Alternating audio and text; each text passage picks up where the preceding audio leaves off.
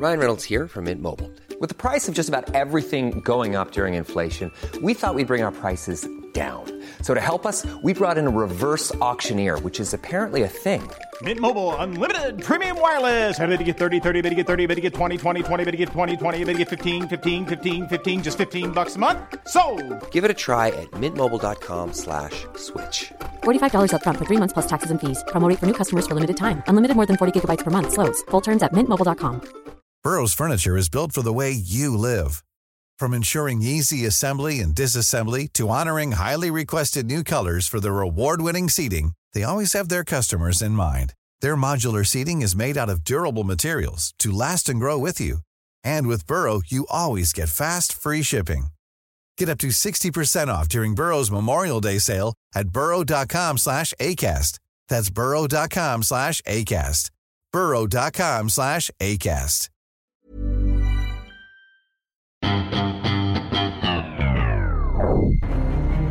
Police now say they have a suspect in the case. Let's go to hon var ute på en motionsslinga och eh, kom inte tillbaka eh, på avtalad tid. One concern the police obviously has is that six months on, the flow of misstänks för mord på en kvinna i Frankfurt 1992.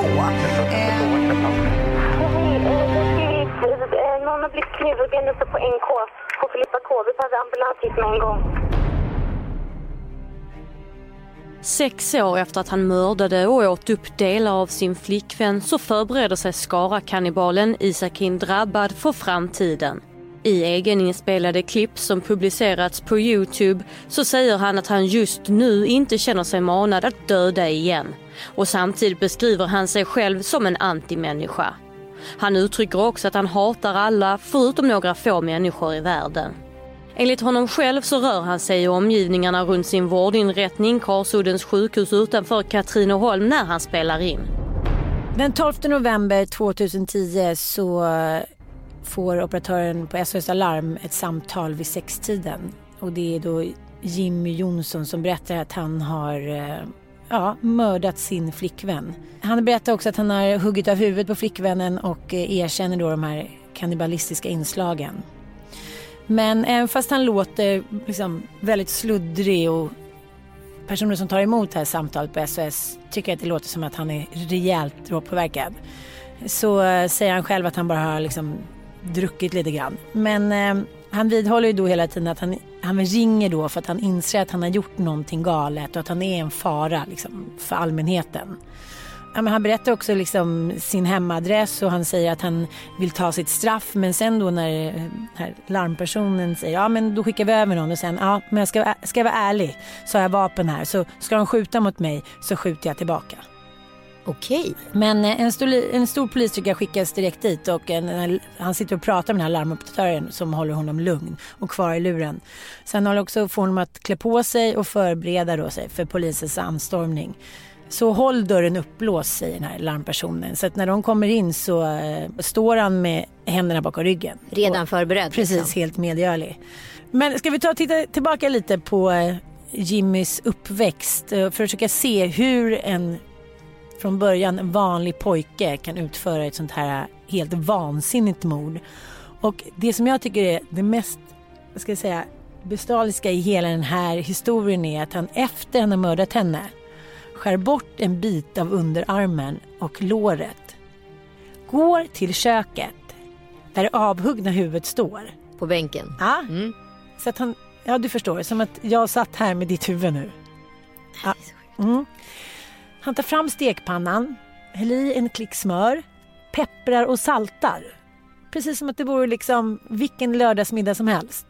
Eh, tar också en liten bit hasch, en litet, litet haschblad. Och sätter sig Och ner. dekorerar måltiden? Precis. Och han eh, berättar också för förhören att han alltid har drömt om och velat veta hur det skulle smaka och liksom käka en böff av en människa. Jimmy Jonsson växer upp med sin mamma och pappa. Pappan försvinner ur bilden efter två år och mamman kämpar på bäst hon kan. Eh, när Jimmy är åtta år så träffar hon en ny man. Som är ett riktigt, ja vad ska jag säga, ett riktigt så kallat praktärsle. Han eh, dricker alldeles för mycket och eh, har en fäbless för porr. Som han eh, då tittar på hela dagarna. Fan vad det här är genomgående. Barnporr. Barnporr kollar Det är, pappan hans, på. det är hans fäbless. Han slår mamman regelbundet och man tror också även då Jimmy. Ja, och eh, så här har han det då tills mamman eh, till slut lämnar den här mannen då när Jimmy är 15. Och hur, hur länge hade de bott ihop då? Sen han var åtta år. Oj. Mm. Mm. Vidriga år också att få uppväxten präglad på det sättet. Precis. Så här händer ju det som händer för många barn att det finns ju ingen spegel utan no- saker och ting som är högst nor- onormala normaliseras. Mm. Misshandel, porr, barnporr, alkoholism. Och eh, det är inte säkert att det fanns någon i hans närhet då som kunde på något sätt finnas där som stöd. Nu ska man ju som. inte spekulera för mycket för man vet ju inte allt om Jimmy men man kan ju tänka sig att utifrån de förutsättningarna givna kanske man inte heller är eh, helt, eh, vad ska man säga, man kan, kan nog lätt vara ganska udda i klassen och kanske också får inte helt lätt i skolan. Precis.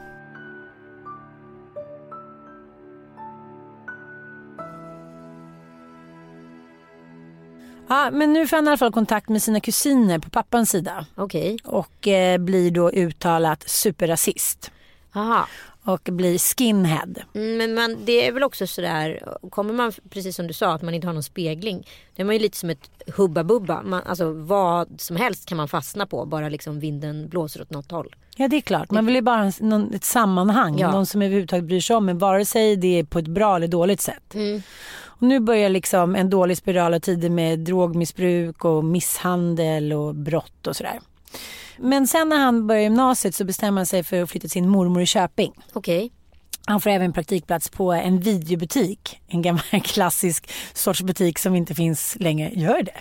Nej, de är typ nedlagda. Ja. Ja. Och nu börjar det ändå gå ganska bra. Han eh, pluggar och eh, liksom går till sitt, eh, sin praktikplats och det, liksom, det verkar som att det har vänt. Mm. Han vill komma bort från sitt tidigare liv. Han slutar missbruka och verkar sköta sig ganska bra. Sen när vid 17-18-årsåldern då träffar han en tjej som eh, blir gravid. Och de får liksom barn när han är 18. Oj, ja, det är Mm. tidigt i livet att få ett sånt ansvar också. Ja, och särskilt när man har vuxit upp i en sån trasig uppväxt så kanske det är svårt att axla rollen som pappa när man är 18 år. Trasig, den är komplett dyssig. Ja, precis. Mm. Eh, ja, så att, eh, då får han och hans dåvarande flickvän en liten flicka och han hamnar återigen i missbruk och brott och den här onda spiralen.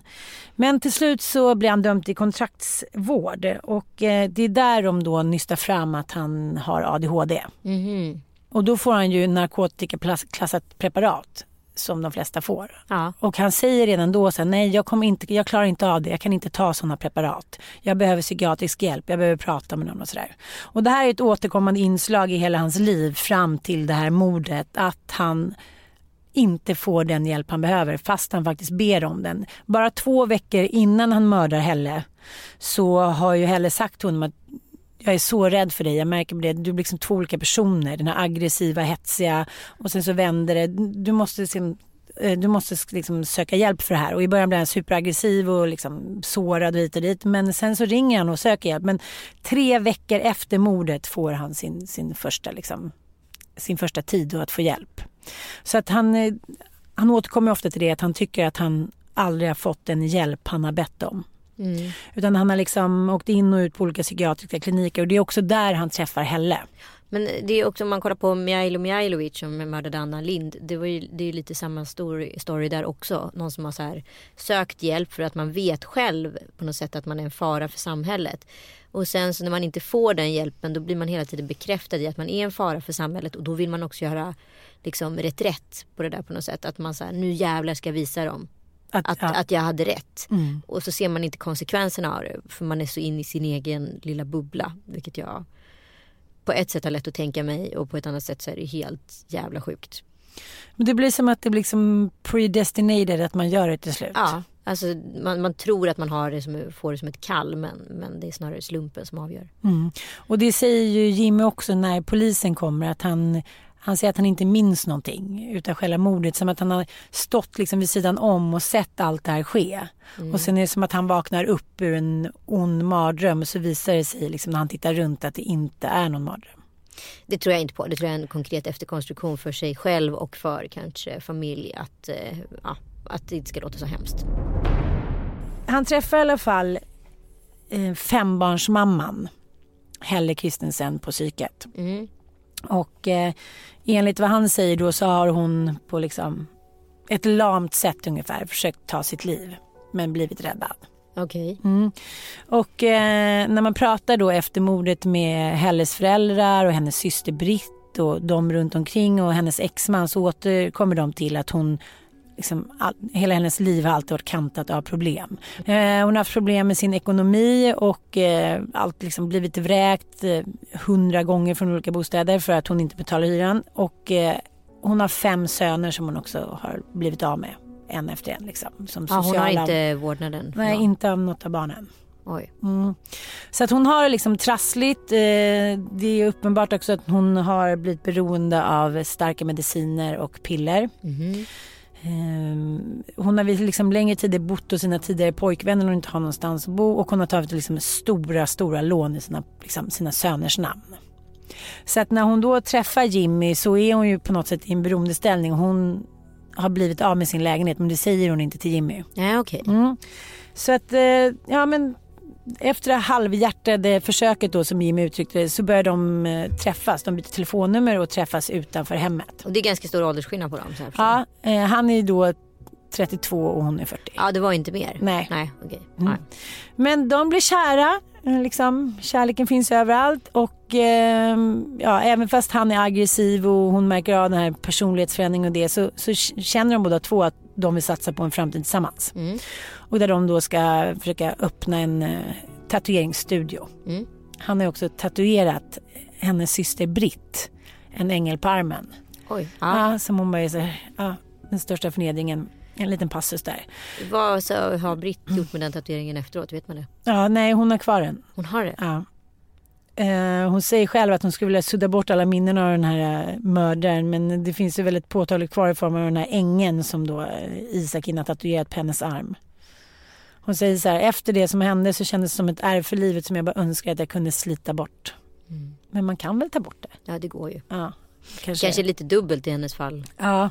Eftersom det ändå är någonting kopplat till hennes syster på något sätt.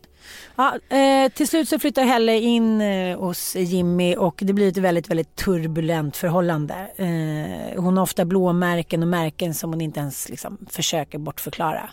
Och hon flyttar hem till sina föräldrar och till sin syster och det är liksom ja, en evig turbulens och alltid varit. Ja, eh, bland annat så eh, bryter eh, Helle benet. Oj. Ja, och eh, men det är klart att folk i hennes närhet frågar då vad som har hänt och det är olika svar varje gång. Hon har ramlat över en eh, sopkvast, hon har ramlat över en spade, hon har ramlat över en dammsugarslang. Eh, hur som helst så ja, spekuleras det då i att det är såklart Jimmy som har gjort det. Mm.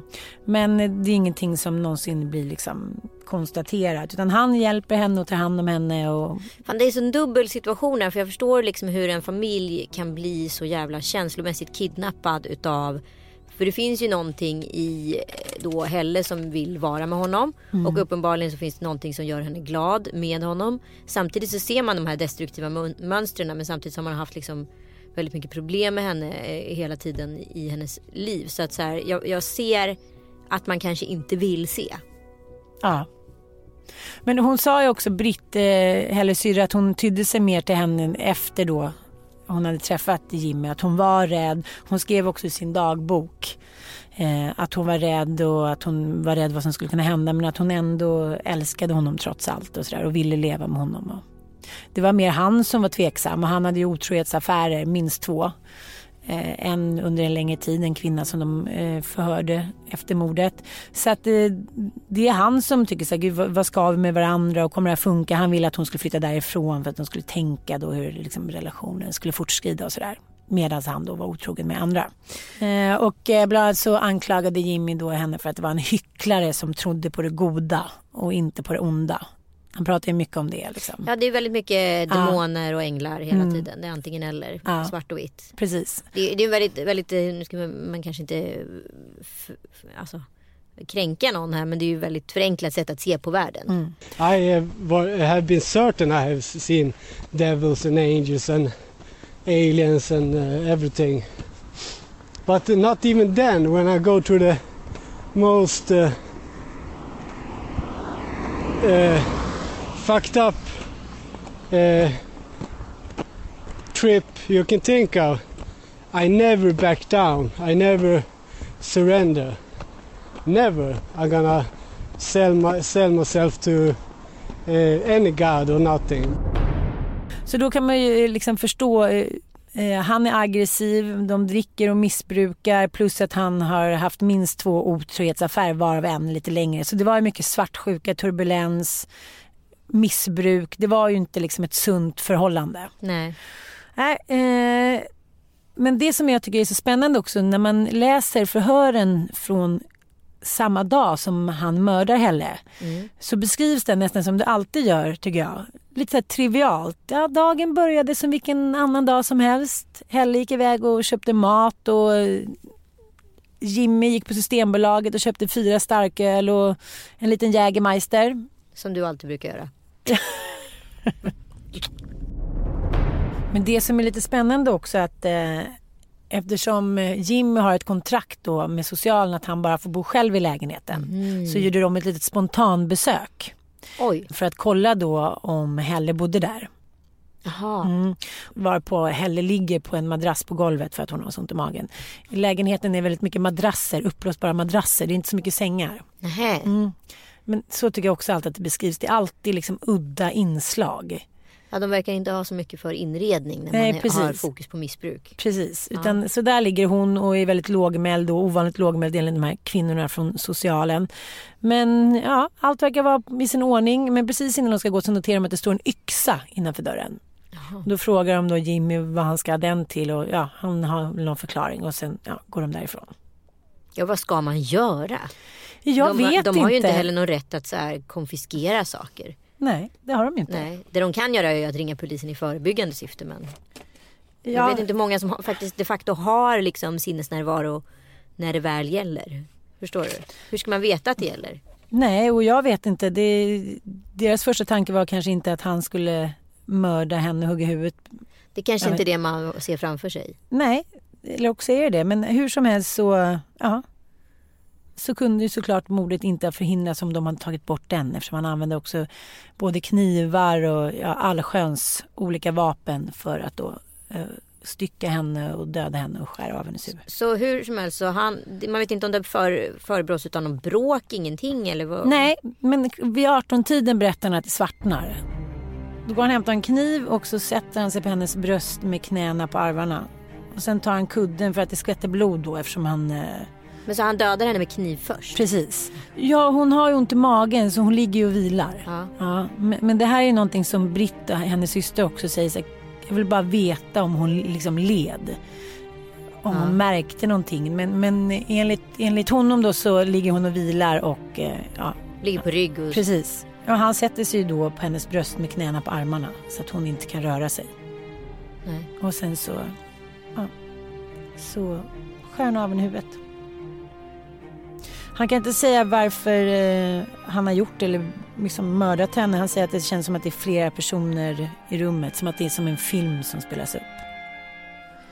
Ja, det är väl också ett ganska vanligt svar. Eh, och hon är tyst hela tiden, förutom ett litet gurglande ljud som han beskriver.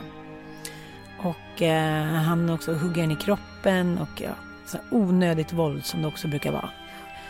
Galen, galet raseri som man inte riktigt förstår var det kommer ifrån. Det är som man säger efteråt, så här, jag vet inte varför jag gjorde Jag älskar ju henne och älskade henne och vill ha en framtid för henne. Han säger att det bara svartnar. Ja men så plötsligt slutar då gurgelljudet som han då beskriver det och då inser han att hon är död. Och de här ljusrosa eller vita kläder som hon har haft är helt mörkröda när de tar in henne då till obduktion. Sen så hämtar någon form av fogsvans då för att han ska försöka ja, Avlägsna huvudet precis. från kroppen? Men det går inte så bra så då går han och hämtar den här yxan. Okej. Mm. Och sen ställer han då eh, yxan på diskbänken i, eh, i köket helt enkelt. Och det här är någonting som polisen eh, noterar när de kommer in att de går runt och tittar och sen så kommer de in i- till ett rum anslutet till vardagsrummet och där hittar de hennes eh, sargade kropp och sen då ser man in till köket och där då så ser man huvudet. Jag kommer ihåg att jag läste, eh, jag, ja, som, som eh, vilken annan person i Sverige som helst så är ju den här typen av brott ändå fascinerande från ett yttre perspektiv. Liksom. Jag kommer ihåg när jag läste det här på tror Aftonbladet Expressen när de hade intervjuat poliserna som var först på plats att det här var det värsta de hade varit med om. Förstå själv att så här, man kommer till en lägenhet, man vet inte vad som kommer mötas, man mötas av. Det har ringt in en person och sagt saker, man vet inte om det stämmer. Nej. Och sen så ska du då ha några sekunder på dig att så här, rannsaka dig själv och, så här, kan, och för, mentalt förbereda dig på att det som kommer vara där inne, det vet vi inte hur det kommer se ut. Mm. Och vi vet inte heller vad som har hänt. Och så möts man av en fullt lemlästad blodig kropp utan huvud. Eh, och sen så står huvudet då placerat på en köksbänk. Mm. Och man får också reda på att offret har blivit uppätet till en viss del. Utav, Som en biff med salt och peppar och ett litet kakaoblad. Utav mördaren. Ja, men nu för att göra det ännu mer horribelt och morbid så eh, när han då avlägsnat huvudet och eh, ja, gjort allt det, då tar han av sig byxorna och har samlag med henne.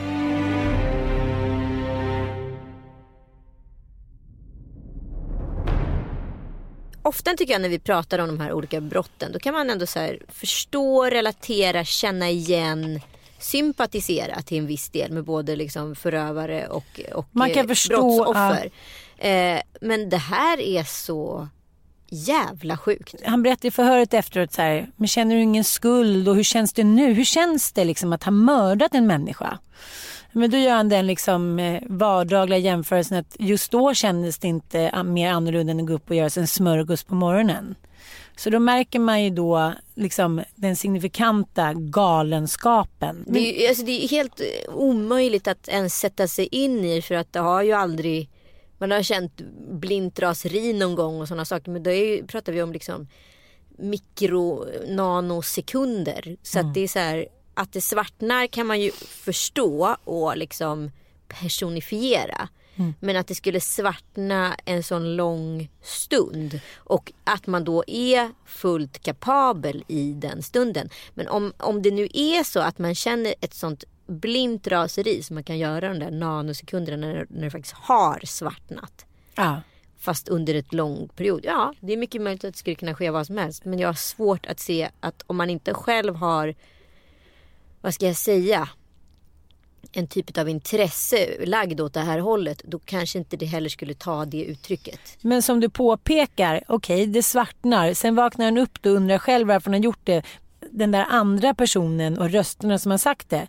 Men jaha, men därifrån till att han så här, skär av en liten bit på underarmen och låret och sen så går och gör sig en liksom måltid. Vadå, är, han, är det svart hela tiden då eller? Ja men det är det jag inte får ihop. Alltså det här blir ju liksom Men, Men vi är ju inte psykiskt sjuka Nej. heller så det är svårt att alltså, men, men han kan inte spekulera i det. Men, men man försöker åtminstone jag försöker åtminstone identifiera känslan för att så här, få någon typ av så här, översätta det för mig själv. Mm. För att, jag kan inte säga, inte rättfärdiga det men liksom ge, alltså förklara vad som har skett. Mm. Och sen när han ringer då, då är han liksom, då, är han en rättfärdigens man. Jag vill göra rätt för mig. Det jag har gjort, nu har jag ingen aning om egentligen att jag har gjort, men jag har vaknat upp och nu vill han ta sitt straff. Mm. Jaha, för det är som att det skulle rättfärdiga och förmildra någonting. Han påstod också att han inte var drogpåverkad, att han hade druckit lite men att han eh, ja, inte var så drogpåverkad. Men sen visade det sig då att han hade haft eh, mer än fyra gånger så hög dos än vad som är ordinerat av Tramadol som är då en... Eh, En opioid. Precis. En morfinliknande opioid. Så att eh, han var ju både drogpåverkad och hade druckit men eh, ja. Eh, Det finns egentligen, eh, han har inte kunnat ge någon förklaring och eh, ja, och det är väl det som också är jobbiga för, för familjen. Ja. Att de får inget svar på varför han gjorde det här och eh, systern då, Britt har försökt få tag på Jimmy, skrivit till honom och eh, ja, försökt kontakta honom på många sätt för att få ett svar. Hur led hon? Varför gjorde du så här? Men han svarar inte såklart. Någonstans finns det väl någon skam. Sen under rättegången så blev han då dömd till LVU. Alltså sluten psykiatrisk vård på Karsuddens sjukhus utanför Katrineholm. Och där har även Christer Pettersson suttit bland annat. Och eh, serievåldtäktsmannen som kallades för Södermannen. Och det som jag tycker verkar vara så otroligt jobbigt för de anhöriga att när man hamnar inom psykiatrin så verkar det vara lite godtyckligt sådär. För redan efter ett år så hade han ju permission. Mm. Han har också varit på en sommarpermission då när hans kompis gifte sig. Så varit borta tre dagar och han har en egen lägenhet. Och, alltså som anhörig måste det här vara allvarlig psykisk så vidrigt, så vidrigt, så vidrigt. Sen han dömdes har han vårdats på Karsuddens sjukhus utanför Katrineholm. Under vårdtiden har han bland annat fått en egen lägenhet dit han tidigare har beviljats permissioner. Och nu får han alltså ytterligare permission då han under tre dagar i juni får möjlighet att gå på bröllop och hjälpa en anhörig att flytta. Åklagaren gillar däremot inte Skara-kannibalens utökade frihet utan menar att mot bakgrund av återfallsrisken saknas anledning att bevilja ytterligare permission. Nej men jag vet han eh, Örebro-våldtäktsmannen, serievåldtäktsmannen, den värsta vi haft i Sverige. Han eh, har ju fått en lägenhet i Gävle nu. Så där bor ju han nu under nytt namn. Det är ju inte så kul för de anhöriga. Jag tycker att det finns någonting intressant i det som Britt då, eh, Helles syrra säger. Jag undrar vad som fick dem att tro att det var okej att ta en annan människas liv. Dessutom någon som var mamma till fem barn. Mm. Mm. Ja, våldet mot kvinnor kan man eh, tyvärr inte sluta prata om för det pågår exakt runt omkring oss hela tiden. Eh, och vi vill med den här podden uppmärksamma det utifrån ett kvinnligt perspektiv. Om ni själva har erfarenhet och behöver eh, hjälp och stöd eller om ni känner någon som ni tror behöver hjälp och stöd så kan ni kontakta bland annat Alla Kvinnors Hus. Eh, det är en kvinnojour i Stockholm som ger stöd och rådgivning och skyddat boende till kvinnor och barn som, som blir utsatta för våld eller har bevittnat våld på något sätt. Så kontakta dem så kan de hjälpa er vidare. Tack för att ni lyssnade. Tack för att ni lyssnade. Vi hörs om två veckor och då på Podme. Police now say they have a suspect in the case. Let's go to Hon var ute på en motionsslinga och eh, kom inte tillbaka eh, på avtalad tid. One concern the police obviously has is that six months on they've slowed... Misstänks för mord på en kvinna i Frankfurt 1992. Någon har blivit knivhuggen uppe på NK på Filippa K. Vi behöver ambulans hit med en gång.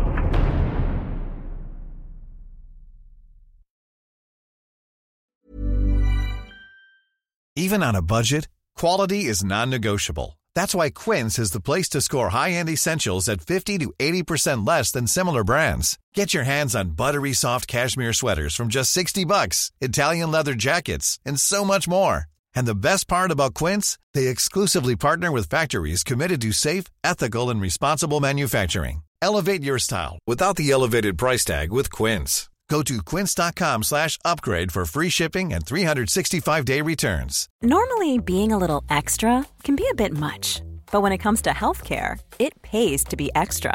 And United Healthcare makes it easy with Health Protector Guard fixed indemnity insurance plans. Underwritten by Golden Rule Insurance Company, they supplement your primary plan, helping you manage out of pocket costs without the usual requirements and restrictions like deductibles and enrollment periods. So when it comes to covering your medical bills, you can feel good about being a little extra. Visit uh1.com to find the Health Protector Guard plan for you.